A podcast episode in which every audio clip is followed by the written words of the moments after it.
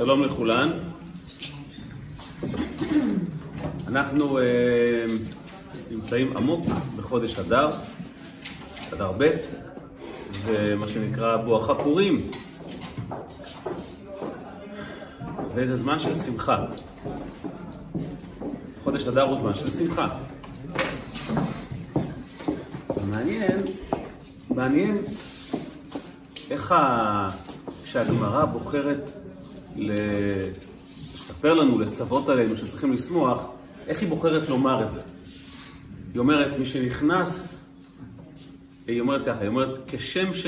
כשם שמנכנס אב, שמשנכנס אב ממעטין בשמחה, כך מי שנכנס אדר מרבין בשמחה. אז אם באב התבאסת, כמו שצריך להיות, אז בחודש אדר תשמח, כמו שאמור להיות. ו... ואני שואל, אה, למה לבאס? למה לחבר בין הדברים? מה הקשר? אי אפשר סתם לשמוח. סתם לשמוח, לקום בבוקר שמח. למה לחבר את חודש אב עם חודש אדר?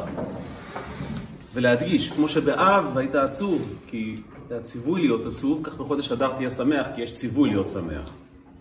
סתם להכניס איזה עצב במקום שמחה, אי אפשר סתם פשוט לשמוח. האמת היא שאת השאלה הזו לא אני שואל, הרבי שואל את השאלה הזו, משום שהתורה שלנו היא מלשון הוראה, כל דבר שכתוב בה הוא באמת דרך לחיים שלנו. והתשובה היא, נשים יקרות, אנחנו חיים במציאות שבה באמת, בלי מעט חושך, אי אפשר ליהנות מהאור. התרגלנו. התרגלנו לעובדה שבלי קורטוב של רע, אנחנו לא נהנים מהטוב. ככה זה עובד. משום מה, ככה התרגלנו. וכעוצמת הרע, וכעוצמת הנפילה, וכעוצמת הקושי, אנחנו אחר כך מחבקים את הטוב ונהנים ממנו. ומה ההוכחה הפשוטה לכך? אתה רואה אנשים שלכאורה אין שום סיבה שיהיו עצובים, והם עצובים. כסף לא חסר, יש ברוך השם בן או בת זוג לפי הצורך, גם יש ילדים. והבן אדם לא שמח. ריבונו של עולם, אבל למה? אתה חי באדר, אה, הוא לא עבר בחודש אב. הוא לא עבר בחודש אב, הוא לא מבין מה יש לו בידיים, אז הוא לא שמח. וזה דבר נורא. זה דבר שלא אמור להיות, אבל ככה התרגלנו לחיות. אנחנו חייבים קצת רוע, קצת חושך, כדי לצאת מאפלה לאורה. זה דבר שהוא בגדול די מזעזע. דרך אגב, מי הדוגמה הקלאסית להסתכלות כזו מטופשת על העולם? המן הרשע. המן הרשע הוא אבי אבות התפיסה שאומרת, וכל זה איננו שווה לי. המן הרשע מגיע הביתה, הוא מתלונן לזרש אשתו על חיים הקשים שלו. אז היא אומרת לו, אני לא מבינה, היית ספר, נכון? היית בשפל התחתית, ועכשיו התקדמת והפכת להיות משנה לנשיא ארצות הברית של אז. ארצות הברית, הכוונה הארצות שאחשוורוש מלך עליהן, 127 מדינה. אתה סגן נשיא ארצות הברית. מה אתה רוצה? למה, למה הפרצוף החמוץ? השגת כל מה שרצית. אז הוא אומר לה, כן, אבל... וכל זה איננו שווה לי, כי למה כפרה? כל עוד שמרדכי לא משתחווה לי, לא שווה שום דבר. תגיד, אתה נורמלי. זה הסיפור, תראה מה יש לך בידיים. לא, הוא לא מסוגל לחשוב על זה כך. העובדה שמרדכי לא משתחווה לו, לא משתחווה לו, מוציאה אותו מפוקוס. והוא עומד להחריב, הוא אכן החריב, ברוך השם, למזלנו הרב, את כל מפעל חייו המפוקפק. והכל כי מרדכי, איש אחד בממלכה, איש אחד מתוך 127 מדינה, אדם אחד לא יסכים להוריד את הראש, והוא יתמקד בזה. איך אנחנו מצליחים לעיתים לחקות את, ה, את, ה, את הדפוס התנהגות המעוות הזה של המן, ולהביט בדיוק אל המקום, אל, ה, אל המקום הלא נכון. יש מחקר אגב, שאנשים בדיכאון, אז הם רואים אה, רק פרט, הם רואים פרטים, הם לא רואים את, כאילו יש לראות את היער ויש לראות את העץ, את העצים ביער, אז הם רואים עצים, הם לא רואים יער. אז באמת כאילו הם רואים מה הוא מפריע לי, מרדכי מפריע לי. את יודעת שזה מאפיין את בני מזל בתולה. ממש לא. הכי לא. אני אתעקש. את מזל בתולה? כן. גם אני. גם את? כולם? אוקיי, בסדר. אה, יופי, נהדר. זה תלוי מתי, אגב, אה, בחודש. אז מתי? אה? בואו, אנחנו אחרי זה נעשה שיעור על חיי. זה מרתק, יש לי המון מה לומר. אבל אחד האפיונים של מזל אה, אה, אה, בתולה, שאף פעם אגב לא מחייכת בתולה. זאת אומרת, היא, מחייכת, אבל תמיד היא בא, זה, זה, זה בא עם איזו סקפטיות כזו, שאומר לעצמו, אומר לעצמו, אוקיי, היה בסדר, אבל בואי נדבר בצורה גלויה, אוקיי? אני, אני מרצה, כן? זה העבודה שלי בין היתר. אני אשב מול קהל של אלפיים איש, אבל איש אחד פיהק. הלכה ההרצאה. זהו, אני כבר לא רלוונטי יותר, זה כבר לא מעניין, אבל ישבו פה 1,999 אנשים, אבל הוא פיהק, משהו פה לא עבד היום. זה ה... זה ה... כן, זה מרוב, זה מרוב, חברים, לא למה להתרברב. עוד נשית, לא? אה, בתולה? עוד אנשים. זה נכון, לכן זה מזל. היום באתם- להקשות עליי, נכון? בסדר גמור. זה האפיון. לא, לא, לא, לא, בואו, בואו, בואו. זה לא הנקודה. אם עושים, לא, אם עושים מפה אסטרולוגית, אם עושים מפה אסטרולוגית, אז זה- מורכב יותר.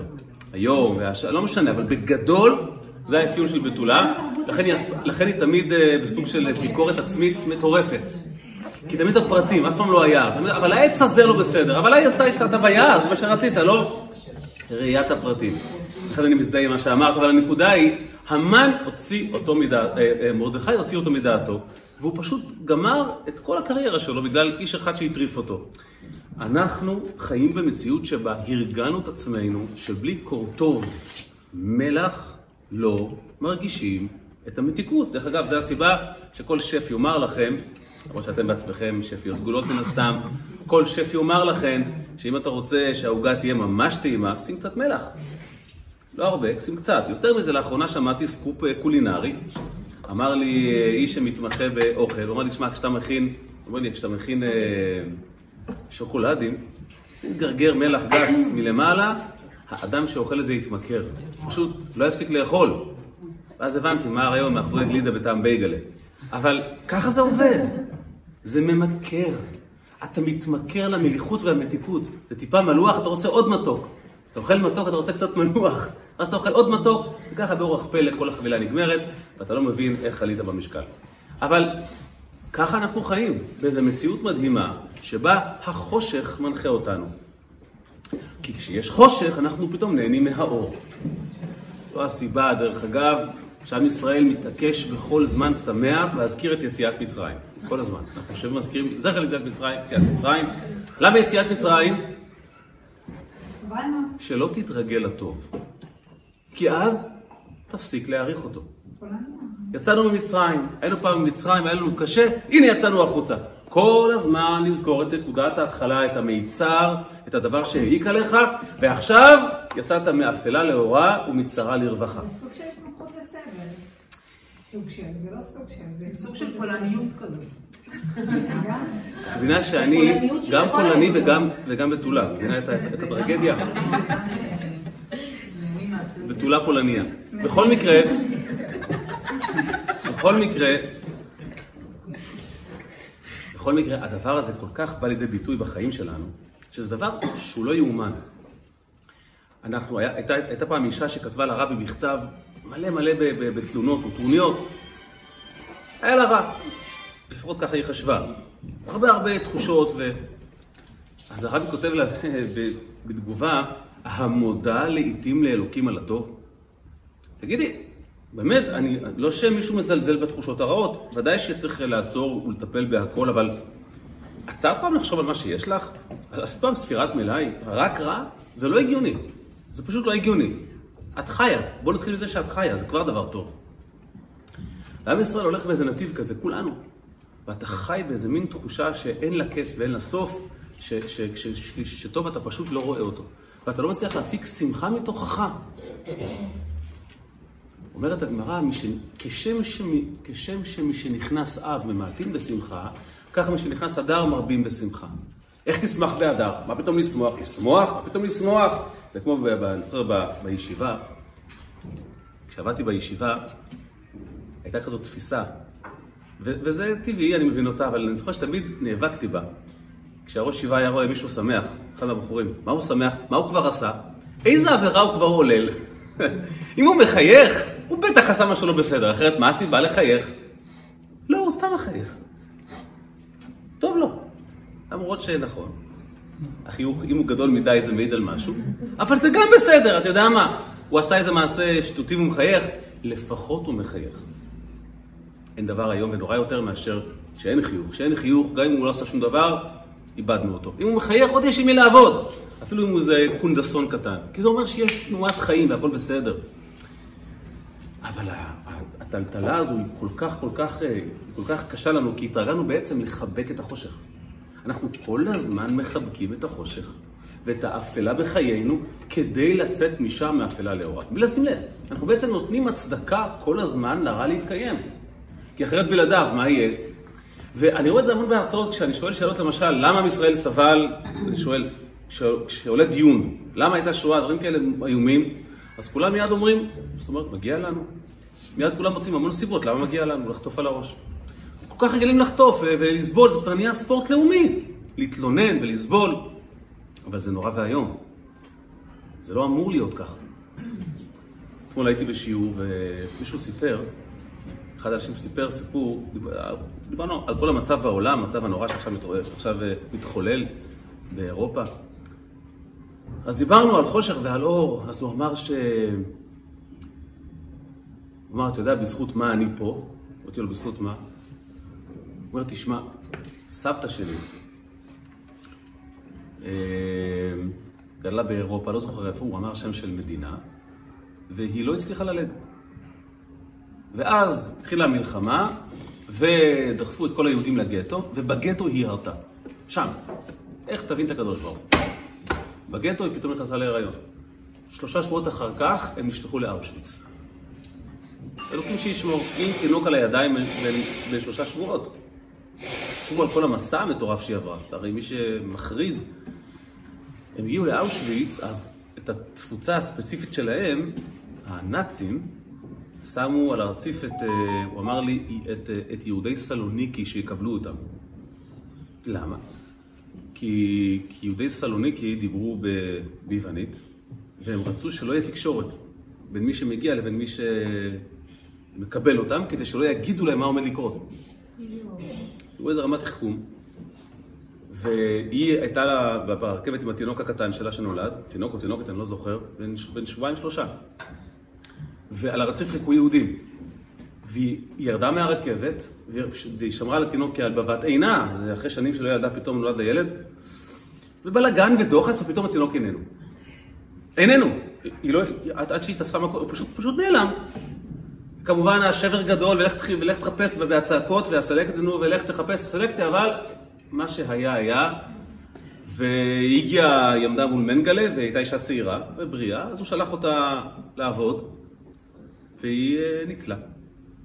והיא ניצלה, ואחרי השואה היא הקימה בית, הוא אומר, וכך נולד אבא שלי. אוקיי, מה הסיפור? הוא אומר, שנים היה כזה סוג של, של תהייה, לאיפה התינוק נעלם. ואז יום אחד הייתה הרצאה של אה, אה, דוקטור, אני לא זוכר אם הוא היסטוריון או אדם שעוסק בתחום. הוא אמר שקראו לו דוקטור שמואל, אה, ברח לי השם, אני אשאל אותו. דוקטור שמואל משהו, הוא היה יהודי סל, סלוניקאי.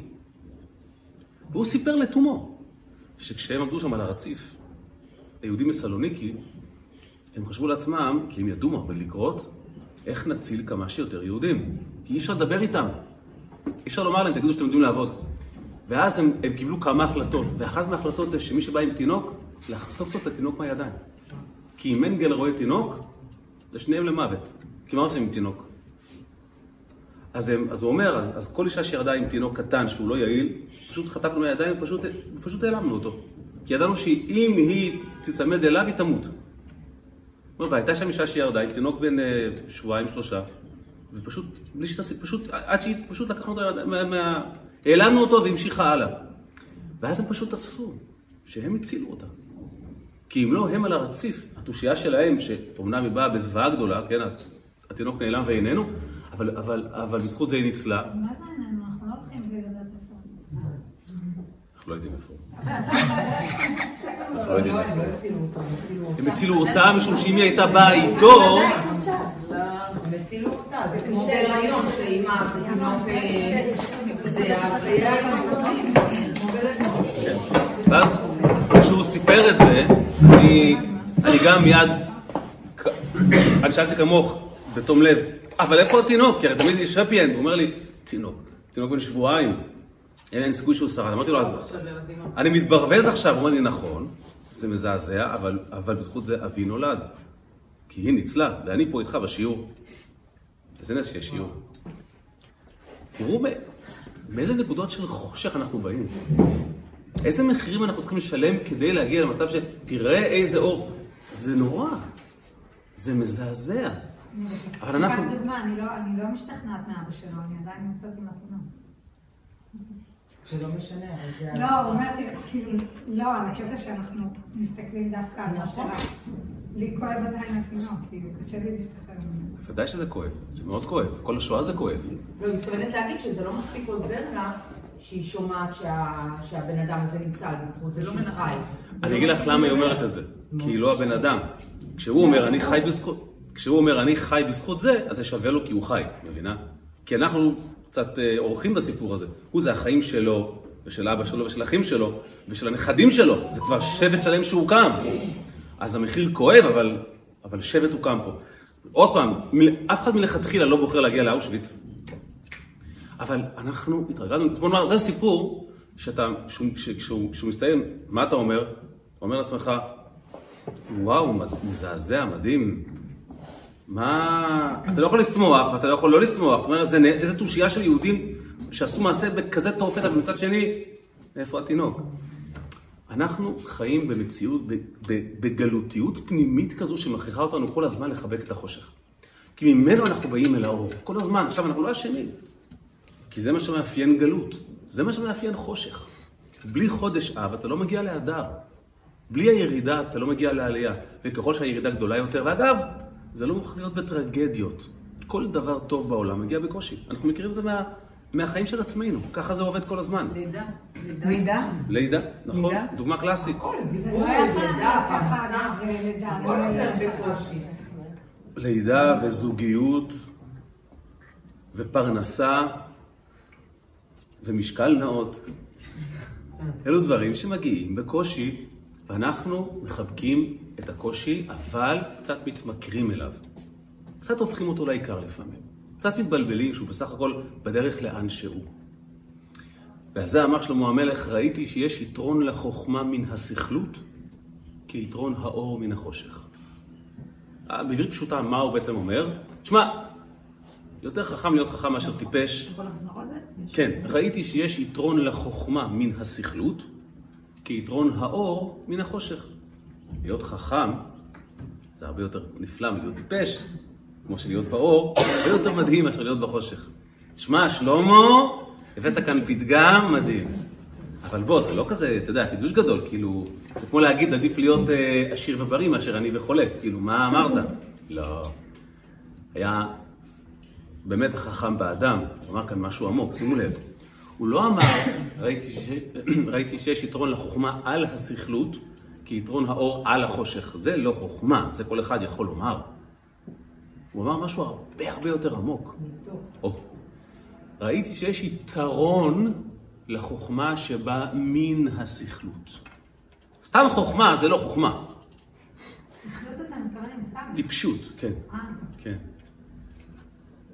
חוכמה שבאה עם ניסיון, שבאה מתוך כאב, שבאה מתוך טיפשות. היא נפלאה הרבה יותר מחוכמה טבעית, אורגנית, כיתרון האור מן החושך. כשהאור צומח מתוך החושך, זה אור אחר לגמרי. זה אור במשמעות אחרת, ודרך אגב, כיוון שאנחנו עוסקים הרבה בזוגיות, אין דוגמה יותר טובה לזה מאשר זוגיות. אין דוגמה יותר טובה לזה. זה קניין שנקנה בעמל כל כך קשה, כי בניגוד אגב לכסף, ובניגוד ללידה, שם אתה יודע איפה אתה הולך. בלידה אתה יודע שזה יהיה בלתי נסבל תשעה חודשים, לשני הצדדים. ואז אחרי זה, נולד ילד למ- למזל טוב. אז, בסדר, אוקיי, היה שווה המאמץ.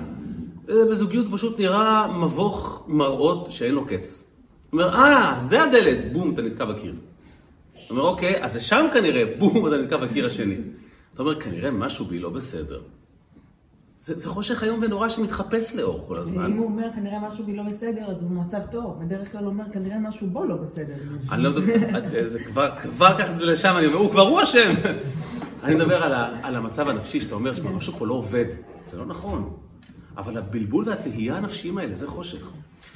אבל מי שמצליח לעבור את המשוכה הזו, כי יש לו מספיק אוויר וחוכמה והבנה שזו הדרך, הוא מגיע לאור שהוא לא, שהוא לא יכול להגיע אליו לבד בלי מאמץ, לעולם. לעולם. אז יש יתרון לחוכמה מן הסכלות, כיתרון האור מן החושך, וזה אחד העבודות הקשות של משיח. כשמשיח יתגלה, אתם יודעות מה כתוב, נכון? הכל יהיה מושלם. וגר זאב עם כבש, וכיתתו חרבותם לעיתים, ויהיה שלום עולמי, והכל יהיה נפלא. איזה שעמום. למה, למה לקום בבוקר? לא מעניין. אנחנו פשוט נצביע נגד. אנחנו נגיד לו, משיח, הרסת הכל. כאילו, כל האתגר נגמר, פתאום אנחנו, אנחנו קצת נתגעגע למכות שחטפנו. מה, זהו?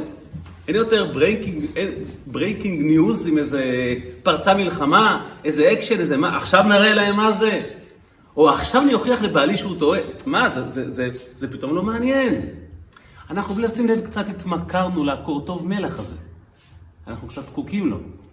נהיינו נרקומנים של חושך. לא באשמתנו אגב. לא באשמתנו. אלפיים שנה של גלות גרמו לנו לחשוב שככה צריכים לחיות, ולא יהיה קל להתרגל למצב כזה שבו אתה חי באור. אני פעם דיברתי, עשיתי פעם אחת אה, אה, שיעור זוגי. לא שיעור, יותר אה, תמיכה לזוג שבא אליי. אבל זה תמיכה, מה שנקרא, באקסטרים, מה שנקרא סדנה זוגית על סטרואידים. כי זה משהו לא קונבנציונלי שאנחנו מכירים, משהו הרבה יותר מופרך. הבעל חווה חוויות ו... אה, אה, הוא חי בצורה שאישה נורמלית בחיים לא הייתה מקבלת, ואשתו אישה מיוחדת, אז היא כן מקבלת, ואני ניסיתי להסביר לו שהוא פשוט אה, לא נורמלי. והוא לא מבין. והוא אומר לי, אבל, הוא אומר לי, אבל, אבל מה אתה רוצה? אני, אני בן אדם. אמרתי לו, נכון, אתה בן אדם, אתה לא בעל חיים. אז נכון שבא לך א', ב', ג', ד', אבל אתה... ככה השיח התנהל ברמות שאני לא חשבתי שאי פעם נדבר עם מישהו. והוא עצוב אגב, עצוב, נורא עצוב. ואז היה קטע מדהים. אמרתי לו, תאר לעצמך, אמרתי לו, תעצום עיניים. תעצום עיניים ודמיין, דמיין שיש לך פשוט בית נורמלי, אישה שמחה, ויש לך חמישה ילדים טובים. וכל הדברים שהוא עושה, יש לו ילדים מכל מיני מקומות בעולם. חלקם בכלל לא יהודים. זוועת עולם. אמרתי לו, דמיין, תחשוב שיש לך אישה יציבה, בית יציב, וילדים טובים, שבאים לבית הכנסת ומתפללים, ועושים נחת, והולכים ללמוד, וחוזרים עם תואר. תחשוב שנייה, הייתי בטוח שהוא יגיד לי, אה, יא לוואי. אז הוא, הוא עושה ככה כמו שאתה חושב. הוא אמר לי, זה נורא משעמם. ככה הוא אמר לי, זה נורא משעמם. הוא כבר לא מכיר מצב שכאילו, אבל איפה האדרנלין? הוא כל כך נכנס לתוך ה... הוא נכנס לאיזה נרקוזה של ריגושים. הוא אומר, מה ככה, כמו בוקר, לעבודה, ילדים טובים. ככה זה, זאת אומרת, הוא כבר לא מכיר מצב לא- אחר. איך יכול להיות שלבן אדם אין את ההבנה שבעצם זה החיים הטובים? אוי מה, זה בגלל... לא, אבל כאילו זה נובע ממה? מרקנות פנימית? זה נובע מכוח ההרגל שנעשה טבע שני לבן אדם. זה ילד... מכוח ההרגל שנעשה טבע שני. זה ספציפית אה, איש שהיה פעם ילד אה, שעבר חיים לא קלים. הוא מגיל אפס שורד. הוא פשוט שורד, הוא עושה את זה בהצלחה לא מועטה, כי הוא הגיע לגדולות מבחינה פיננסית ויכולת, והוא התמכר, הוא פשוט לא מסוגל לצאת מהמעגל הזה של, של, של, של דרמה. פשוט לחפש דרמה. עכשיו, לך תסביר לו. זה כולה להסביר באמת לאדם שמכור לאלכוהול, לסמים, שהוא הורס לעצמו את החיים. אבל זה נהדר. אה? אנחנו בעיצומה של עבודה. אה, אפשר לצאת מדברים כאלה, אבל... אני יכול לומר לך שהוא בכיוון טוב. בכיוון טוב. ואז אמרתי לו, ולא נזכיר שמות, אמרתי לו, תגיד, אמרתי לו, יש לי שאלה. כי הוא דיבר המון, הוא סיפר לי המון, אמרתי לו, תגיד, יש לי שאלה. כל מה שסיפרת, כל מה שתיארת, הוא תיאר תיאורים שבאמת לא קונבנציונליים, לאיש נורמלי. אמרתי לו, כל החוויות, למה פרצוף? אמרתי לו, אתה, אתה, אתה נראה כמו צל של עצמך. אמר לי, כי זה לא כיף. אז למה אתה עושה את זה? מה, בלי זה? מה שווה? אני מבין אותו. חטא אחת יעשרך. אה? חטא אחת יעשרך. אה, ממש. זה, כמוני אחרי צלחת בורקס. אז למה אכלת? אוף, אז למה? למה? אז אל תאכל. אז אל תאכל. אז מה אתה עושה פרצוף? כן, אבל אם לא יאכל, אז למה באתי? החושך הפך להיות תוצ... ממש אה, אה, אורח קבוע בחיים שלנו, ואנחנו מחבקים אותו בלי לשים לב. וככה אנחנו בעצם, בעצם מתחזקים אותו כל הזמן. אנחנו בעצם מזינים אותו. אבל האמת היא שצריכים להפוך את החשיבה. כי, כי אתם בעצם תראו, רגע, אם כשמשיח יבוא רק יהיה אור ויהיה טוב, אוקיי, האור ידלק. האמת היא שקודם כל לא יהיה קל להתרגל לזה בהתחלה. משיח יעבוד קשה. חבר'ה, אין אתגרים, פשוט פשוט תהנו מזה. אנחנו נהיה די, די מצוברחים מהעניין. אבל זה מתחיל מהיום. זה בדיוק, זה עכשיו כבר קורה, צריך ליהנות או, לרגע. זה מתחיל מעכשיו. איך זה מתחיל מעכשיו? בואו בואו שיחד ננתח. אם זה ככה, למה הקדוש ברוך הוא עשה את זה ככה? כי הרי בסוף הוא עשה הכל, נכון? יוצר אור ובורא חושך. בסוף הוא אשם בהכל. לכן קוראים לו אשם. אז למה הוא עשה את זה ככה? מה יש בחושך שהוא הפך להיות מרכיב חיוני כל כך? כי אם זה לא היה חיוני, לא היינו צריכים אותו. אנחנו פשוט משתמשים בו לא נכון. זו הטעות. עם שימוש נכון, אנחנו גם ניפטר, גם ניגמל מהתשוקה לחושך, וגם כשהוא ייגמר, לא, לא, לא נהיה עצובים. מה זה חושך? חושך הוא מצב של צמצום. חושך הוא מצב של התכווצות. זה חושך. בעצם, בעצם, בעצם, לחושך יש תפקיד קריטי וחשוב. החושך הוא גשר. החושך הוא גשר בינך לבין דברים שאתה לא באמת יכול לגעת בהם בשלב זה של חייך. הדוגמה הכי פשוטה והכי טובה והכי קלה זה כמו שילד קטן, מה שהוא לא יודע, מגן עליו. ועדיף שלא ידע. ואל תהיה חכמולוג כמו אותם הורים שאומרים, אני מגיל אפס אומר לבן שלי את כל עובדות החיים. מה אתה נורמלי? יש, יש, יש בתי ספר שמגיל צעיר מלמדים כל מיני, ס- על סודות הבריאה. וכולי ודל. הנזק שהם עושים הוא איום ונורא. אני אומר את זה מידע אגב, אני אומר את זה מידע, משום שלפני כמה שבועות אשתי אירחה בבית שלה קבוצת תלמידות בוגרות, שהם חוו כזה, כאלה דברים, והנזק הוא איום. והן הן בעצמן אומרות את זה. למה לימדו אותנו כאלה דברים בגיל שמונה? מה העניין? זה הרס את כל, ה, את, את כל הקסם של החיים. החושך לפעמים, לא לפעמים, במהות שלו, נועד לגשר בינך לבין דברים שאתה עוד לא יכול להכיל אותם. וטוב, וטוב שהוא ישנו. ואם רוצים את זה במקרו, כל הקשר בין יהודי לקדוש ברוך הוא יושב על חושך. ישת חושך סתרו. הקדוש ברוך הוא כביכול מסתתר בחושך. זה נקרא הצמצום. הקדוש ברוך הוא מצמצם את עצמו כדי שתוכל לתפוס בו. וזו הסיבה לגשר, לגשר בינך לבין דברים שאתה לא יכול עדיין להכיל אותם, ואתה זקוק שהם יהיו בקרבתך. כמו בן יהודי לקדוש ברוך הוא, כמו בן בעל לאישה. החיבור גדול מדי, עוצמתי מדי, הוא דורש להכיל ידע שאתה לא יכול עדיין באמת להפנים אותו. אבל יש פה אה, כאילו שני סוגים של חושך שאתה מדבר עליהם. אחד זה בעצם הס- הסתרה, כאילו אה, חיסרון של ידע או חוסר ראייה, ואחד זה חושך במובן הנמוך שלה. אתה בוחר, אתה בוחר איך לסווג את החושך. זו הנקודה. זו בדיוק הנקודה, הבאת אותנו בדיוק לנקודה. יש לחוש... באנגלית. מה אמרת? יש אני אחזור תכף. בעולם- כן, כן, יש אמרה בעולם. אמירה בעולם היום שאומרים pain is real, suffering is a choice. אה, משפט חזק מאוד. הכאב אמיתי, הסבל הוא בחירה. נכון. כי הכאב באמת קיים. אבל מכאב גם אפשר לשמוח, כמו לידה שאמרנו קודם. זה נכון.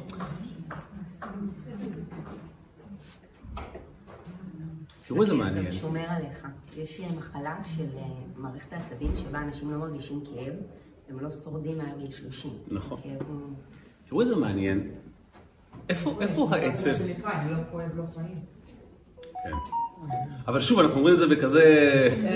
כזו השלמה, אנחנו לא רוצים את זה, כן? אנחנו לא רוצים את זה, אבל כל עוד זה קיים, התפקיד הזה קיים. תראו איזה מעניין. מתי העצב נברא? כל דבר נברא מתישהו. כל התחושות, הדחפים, הכל נברא מתישהו. מתי העצב נברא? העצב נברא אחרי חטא הדעת. זאת אומרת, הוא היה לפני כנראה, אבל הוא לא היה כחלק מהמנגנון שלנו. כי, כי מה נענשו אדם וחווה אחרי חטא עץ הדעת? חוץ בעיצבון מלמות. לא, צער זה לא עונש. בעיצבון תאכלנה. בעצם כאילו... האישה קיבלה את הברכה של בעצב תלדי בנים. ב-2020 אנחנו גם מפרנסות וגם יולדות, זה בצער. רגע של קינה עצמית. אגב, אנשים ש- שאומרים עליהם שהם לא, אין עליהם את הקללה של חווה, ויש נשים כאלה שזכו לזה, הן אומרות שזה לא כזה, כאילו זה לא כזה ברכה, שאישה לא יודעת מתי היא צריכה ללדת, בגלל כאב. ומה כל ההיריון ומה אחרי לידה? שהיא אומרת שהאנשים האלה לא בטראומה, לא יודעת. בוודאי, יותר קשה ממי. אומרים שהם לא במרכז של חווה. בוא נראה, את זה. אני, לא מאחל שיכאב לאף אחת, ואני מציע שחווה תוציא מהפנקס כמה שיותר אנשים, באופן כללי, פרטי. אני זוכר שאחרי הלידה הראשונה של, של בני הגדול, כי, כי הרבה שמעתי על לידה, אבל אף פעם לא חוויתי, זאת אומרת, אה, הייתי מזועזע. ואמרתי שאם אני תופס את הנחש, אני גומר עליו. אה, האדם הראשון קיבל מתנה, מהקדוש ברוך הוא במרכאות, לעבוד את האדמה בעיצבון. אומרת, להביא פרנסה בעצב. והיא קיבלה בעיצבון אה, אה, תלדי בנים. בעצב תלדי בנים. זה מעניין. הוא לקח את הנקודה הכי קריטית בחיים של הגבר, שזה הפרנסה, זה האחריות שלו, ואת הדבר הכי מדהים אצל אישה שזה הלידה, הוא- והוא תקע שם עצב. למה דווקא שם? בגלל שהם הדברים באמת הכי חשובים. ככל שהדבר יותר חשוב לך, ופחות בר השגה במיידי, נפתח פער בין מה שאתה רוצה שיהיה לבין מה שקורה בפועל. אתה רוצה את זה מהר, כאן ועכשיו וקל, וזה לא טוב. אז יש פער. אתה רוצה להשיג את זה בטוב, תעבוד קשה. בעצם החושך הוא גשר. הוא אמור לתווך לך מצבים שאתה קטן מהכיל, בשלב הזה. אז רוצים שתכיל ורוצים שיהיה לך, אבל זה חייב לבוא עם חושך, עם הסתרה, עם צמצום. זה המצוות שלנו. מה זה המצוות שלנו? זה חושך מוחלט. אתה עושה מצווה, יש לך מושג מה אתה עושה? זה נראה לך ביזארי לגמרי, כאילו מה... ואם המצה שאכלתי היא לא בדיוק הזית, חסר בה נפח, לא, לא טוב, תאכל עוד פעם. מה העניין? אבל אכלתי, התכוונתי. לא. אלוקים נכנס לתוך כזית מצה, פחות מזה אין לו מקום. זה נשמע מגוחך. לא, זה לא מגוחך. אלוקים הוא לא מוגבל, אבל כדי שהוא יהיה קשור אליך, הוא הגביל את עצמו, הוא צמצם את עצמו. הוא שם את עצמו בחושך. כי אם הוא יתגלה כמו שהוא, אתה לא תהיה. אז צריכים לפור צד. כדי שגם אתה תהיה וגם הוא יהיה, צריכים חושך. החושך מתווך. אתה רוצה שיגדל ילד נורמלי ויכיל את העולם לאט לאט, ויחשוף את, ה- את, הסודות שלו לאט לאט, וגם אחרי שהוא חושב שהוא גילה, הוא בעצם לא גילה כלום. כי הוא פשוט כל הזמן מגלה עוד ועוד, ואז הוא נהיה אבא, ואז נהיה סבא, וכולי וכולי, ואז הוא נהיה חכם. משיח מגיע. זה מה שעושה החושך, ולכן צורת ההסתכלות שלנו על החושך היא קריטית. אנחנו לא רוצים חושך. באופן כללי אנחנו לא רוצים חושך, אבל יש לו תפקיד חשוב לחושך. איך אתה מסתכל עליו? אל תתמכר לאפלה, אל תתמכר לעצב, אלו תופעות לוואי שאנחנו לא רוצים אותן, אנחנו לא מעוניינים בהן. התהליך כן חשוב. האדמו"ר הצמח צדק, האדמו"ר השלישי של חב"ד, היה למדן עצום, כמו כל אדמו"רי חב"ד, היה לו ראש אדיר, וסבא שלו, האדמו"ר הזקן בעל התניא, פעם, אה, פעם אה, אמר לו שהוא רוצה, שהוא רוצה לתת לו מתנה. מה המתנה? שתוכל ללמוד תורה בלי להתייגע. ממש. עכשיו, זה אדם גאון, אז תחשבו אם הוא לא מתייגע, איבדתי את זה, סליחה. אוקיי. אדמו"ר הזקן בעל התניא, כן. היה לו נכד, קראו לו הצמח צדק. שניהם היו למדנים אדירים. אדירים. ואדמו"ר הזקן כן, אמר לנכדו, הצמח צדק, שהוא רוצה לתת לו מתנה. הוא רוצה לברך אותו, שיוכל ללמוד תורה בלי להתייגע. המשמעות היא אדירה כמובן, ההספק הוא הרבה יותר גדול, ואמר הצמח צדק, אני לא מעוניין, אני לא רוצה. כי בלי יגיעה, אני אפסיד אלמנט נורא חשוב. זאת אומרת, אה? סיפוק כאילו? לא רק סיפוק, כשאתה מתייגע על משהו, הוא נהיה שלך. כשאתה עובד עליו קשה, הוא נהיה שלך. החיבור לתינוק שנולד בלי כאבי תשעה חודשים, לא היה מספיק חיבור חזק. זה היה ככה מאליו כזה, כמו במצרים, אה, עוד ילד, לך לעבוד. דווקא המאמץ והקושי. אז הוא אמר שהוא לא רוצה את המתנה. הוא מעדיף להתייגע וללמוד בתוך יגיעה, וברבות השנים, כשהוא כבר גדל ולמד והחכים, והגיע לאן שהגיע, אז הוא אמר שהוא מצטער. כי עכשיו, אחרי כל מה שהוא יודע, והוא ידע, הוא מבין שבעצם, בעצם התורה היא כל כך חסרת גבול, שגם לו סבא שלו היה מברך אותו, עוד היה מה להתייגע.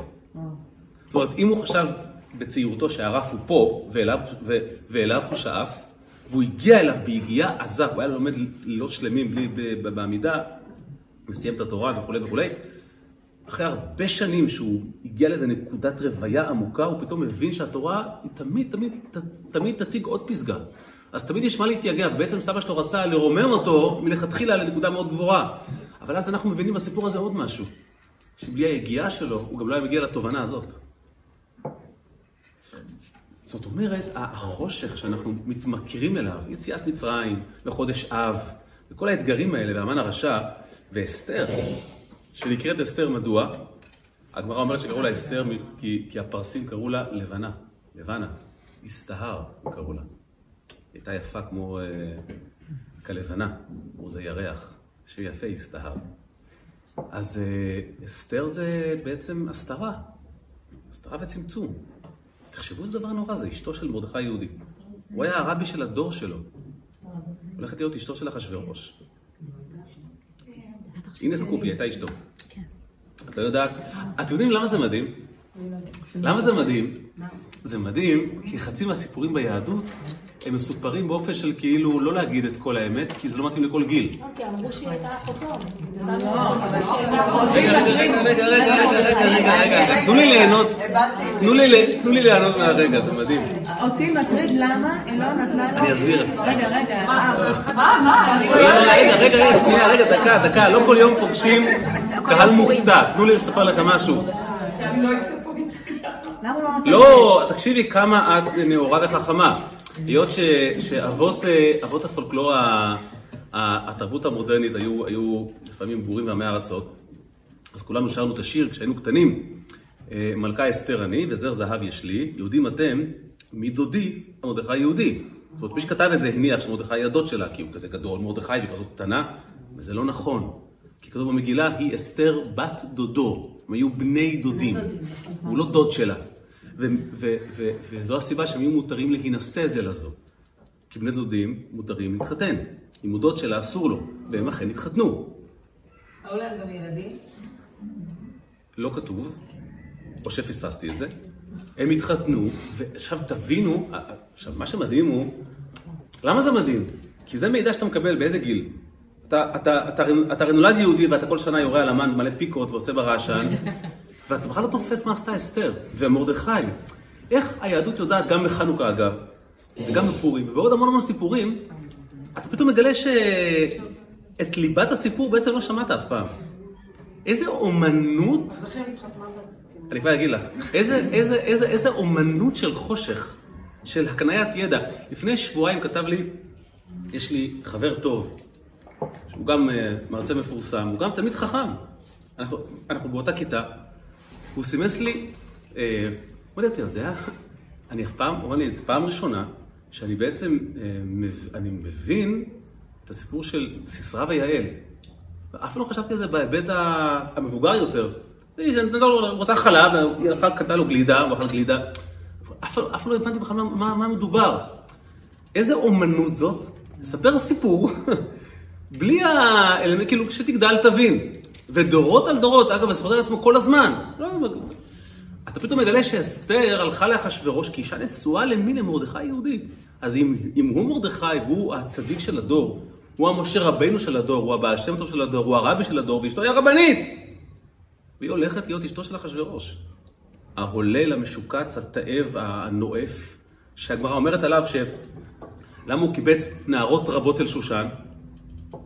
כי הוא רצה את כולם. זה הרמה, והיא איתו.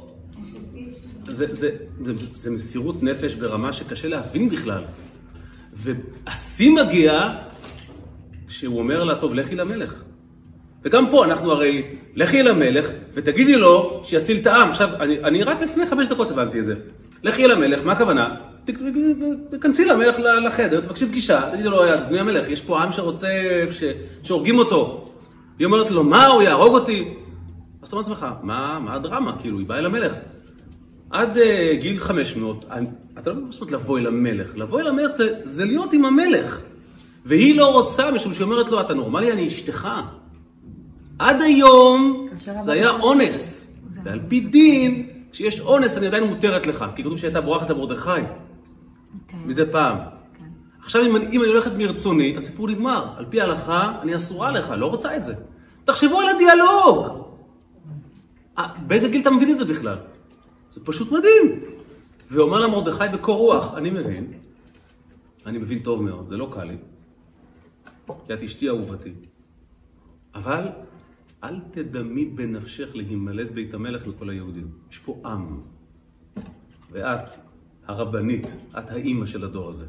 ואימא, יש לה, את הכוחות לוותר, אין מה לעשות. ואז היא אומרת, ובכן אבוא אל המלך אשר לא כדת. מה זה לא כדת? לא כדת היהודית. היא נשואה למרדכי כדת משה וישראל. אתה פתאום תופס שחלק מהסיפור לא סיפרו לך. אתה פתאום מבין שאתה עד גיל 30 היית בן חמש. פתאום הכל מואר באור אחר לגמרי. וואו.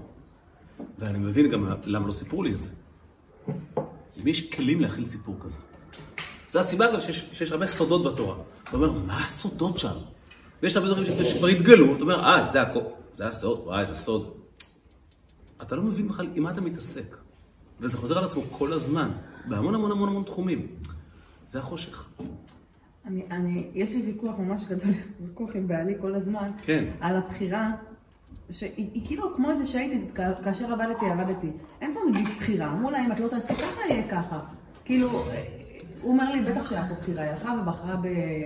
אבל כאילו... לא, הוא לא אמר לה את זה, הוא אמר לה, אם את לא תלכי, מישהו אחר ילך. ברור. זאת אומרת, לא, העבודה לא, לא, לא, תעשה. רגע, לא נכון. בוא נדייק, הוא אמר לה כי אם החרש תחרישי בעת הזאת, רווח בצלה יבוא לנו מקום רווח אחר. בצלע, הוא אמר, נכון, תקשיבי, השם יכול להציל את היהודים גם בדרך אחרת, אבל הבחירה היא שלך. אני- אני אחדד לך את זה, שנייה, אבל יש פה... אני אחדד לך את זה, ודאי שהייתה כאן בחירה. אבל זה הרבה יותר עמוק מזה. כי בעצם, בעצם תחשבי, שכשמרדכי אומר לה, אם אחרי שתחרישי בעת הזאת, רווח והצלה יעמוד במקום אחר. ואז אסתר אומרת לו, מצוין, נכון. יופי, איזה כיף, טוב שאתה אומר לי, אוף, עכשיו הרגעת אותי, אני אשאר אשתך. למה היא הולכת?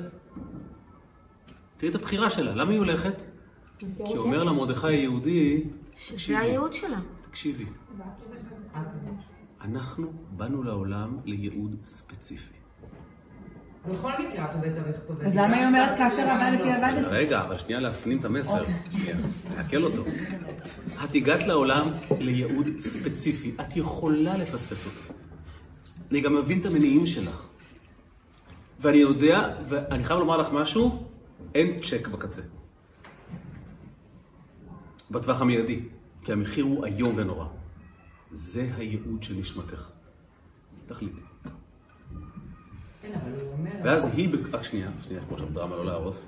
ואז היא בקור רוח אומרת, אם זה הייעוד אני אלך. דמיינו, כנסו לראש של אסתר כש- כש- כש- כשההחלטה נופלת אצלי. זה הרי מטורף. זה פשוט מטורף. זה, זה בחירה על מלא מלא, כי אתה יודע שבעצם, בעצם בנקודה הכי עמוקה הזו, זה לא ההצלה של עם ישראל פה על, על הכף, כי עם ישראל ינצל. כי הם כבר שנה שלמה עומדים, עומדים במסירות נפש, אלוקים יציל אותם. זה המימוש של מי שאתה. וזה יכאב. אבל בכל אופן, יש פה איזה משפט שהיא אומרת כאשר עבדתי, עבדתי. זה כאילו, מש- זה סוג כזה של משפט כזה. כי היא איבדה מה. שיצא יצא. לא, לא, לא, לא. זה לא מה שיצא יצא.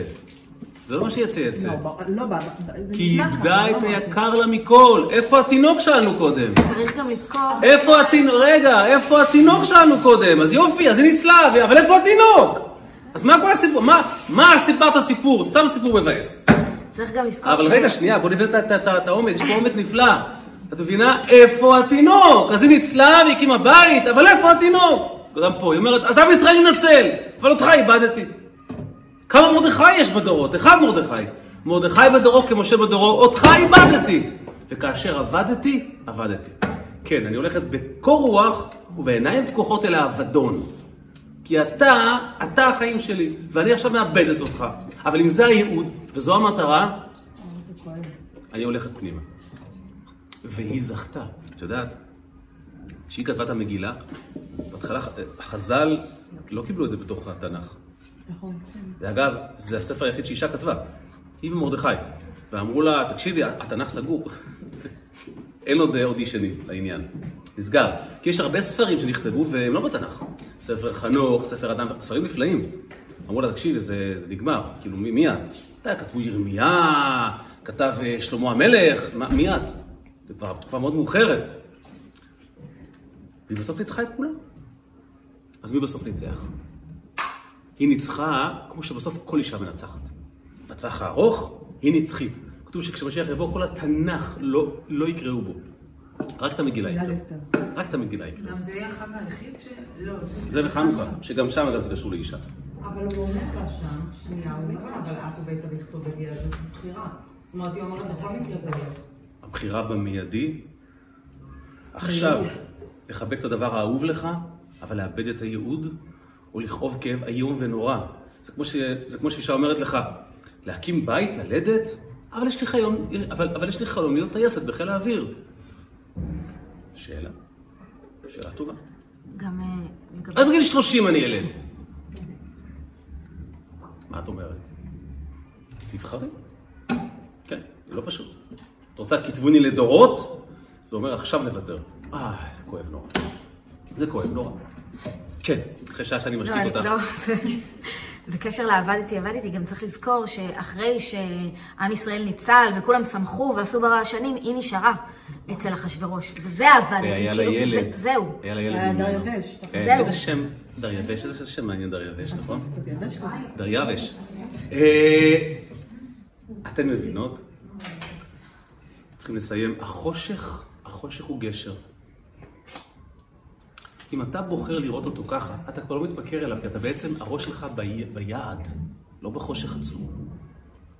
כמו למשל שכתוב שיש עושי רצונו של הקדוש ברוך הוא ועוברי רצונו של הקדוש ברוך הוא. מה זה עוברי רצונו של הקדוש ברוך הוא? זה מי שעובר על יד הרצון שלו. הוא לא מעניין אותו. זה לא מעניין אותו. הוא לא מעניין אותי. לכן יש להם כסף והכל קל להם, זה לא מעניין. אבל מי שעושה רצונו, או, איזה עבודה קשה, ואז תבחר איפה אתה רוצה להיות. לעבור על יד רצונו, ואז הכל בא בקלות. או להיות עושה רצונו. ואז אתה מתעסק עם חושך, כי אלוקים מצטמצם כדי שתוכל לתפוס אותו. ישת חושך סטרו. אל תתאהב בחושך. אל תהפוך אותו למטרה. אבל אם החושך הוא גשר, אז צריך להגיע בסוף, אז זה יכול להיות שהיא נשארה אצל. כי הגמרא אומרת שגם אחרי נס ההצלה, הכתי עבדי אחשוורוש ענן, נשארנו בגלות. זה ה... זה ה... בוא נאמר ככה, הסיבה שפורים, הסיבה שפורים לא ייגמר כשמשיח יבוא, כי בעצם הוא עוד לא נגמר. הסיפור של פורים עוד לא נגמר. כל עוד עם ישראל לא הגיע לרווחה מוחלטת, הצל של אחשוורוש עדיין מאיים עליהם. כן. זו הסיבה שבפורים מנלה וכל מיני סיבות כאלה אחרות. כי באמת, הנס, נשארנו עם איזה טעם חמוץ מתוק בפה. כאילו, ניצלנו, אבל עם אחשוורוש, איזה באסה. מבינה? הבן שלי אתמול חידש לי שאחשוורוש אה, קרא לעם ישראל שיבנו בית המקדש, זה אני לא יודעת. מה הוא עשה? שאחשוורוש נתן להם לבנות בית המקדש. הוא עצר את הבנייה. הוא עצר. כורש בית התחיל, הוא. עצר, ואחרי זה אחריו המשיכו. שמרדכי הפך להיות משנה המלך, פשוט כאילו היה רואה את אסתר כל יום, כאילו. דמייני. וואו, זה ממש קשה. קשה מאוד. אנחנו לא מבינים את המחיר שאנשים צדיקים כאלה שילמו כדי שעם ישראל ימשיך להתקיים. ולכן אני, אני חוזר חזרה לתחילת הסיפור, על התינוק. איפה התינוק? אבל ברגע שהם ידעו שזה הייעוד שלהם, אז זה עצמו נתן להם את הכוח לשרוד. את הדבר הזה. זה מאוד זוכרת את, את, את הפתגם הנהדר שקודם שמענו? את, את זוכרת את הפתגם הנהדר שקודם שמענו? הכאב הוא אמיתי. הסבל אולי הוא החלטה, אבל הכאב הוא אמיתי. אבל זה כואב. זה כואב. זה נכון, אבל כואב. וזה מה שמשיח ייקח מאיתנו, את הכאב.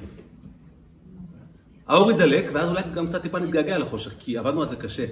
אנחנו צריכים להסתכל על חושך כ- כגשר חשוב, כ- כ- כאמצעי אדיר, אבל לא, אבל לא, לא להתמכר אליו. לא זה הסיפור. וכשמשיח יבוא אנחנו די נתגעגע לאותם זמנים. אם אנחנו לא נעבור למשל עכשיו. לא, בכל מקרה אנחנו נתגעגע. מה, לחושך? כן, כי, כי מיצינו את עצמנו בצורה אדירה. כמו שאדם מתגעגע לתקופה שהוא היה, שהוא היה ילדון קטן. איזה כיף היה, הכל היה כזה נחמד, נכון? אבל מה היה? לא לא, לא היה פלאפון וחייגו עם האצבע. כשהיינו, אתה זוכר שהיינו קטנים, אבא היה נותן שקל, היינו רוצים לקנות. מה אתה מבסוט? מה, מה כיף בזה? כן, היה חושך, אבל נהנינו. יש משהו בחושך. זה הסיבה שכאילו עם ישראל קיבלו את התורה מהאהבה, כי זה כאילו הגיע מחושך, לא כמו בהר סיני שזה היה אור גדול. עכשיו פתחת פה לינק לעוד סדרת הרצאות. כבר השעה עשר ורבע. נשים יקרות ואהובות, אנחנו, אנחנו בחודש אדר.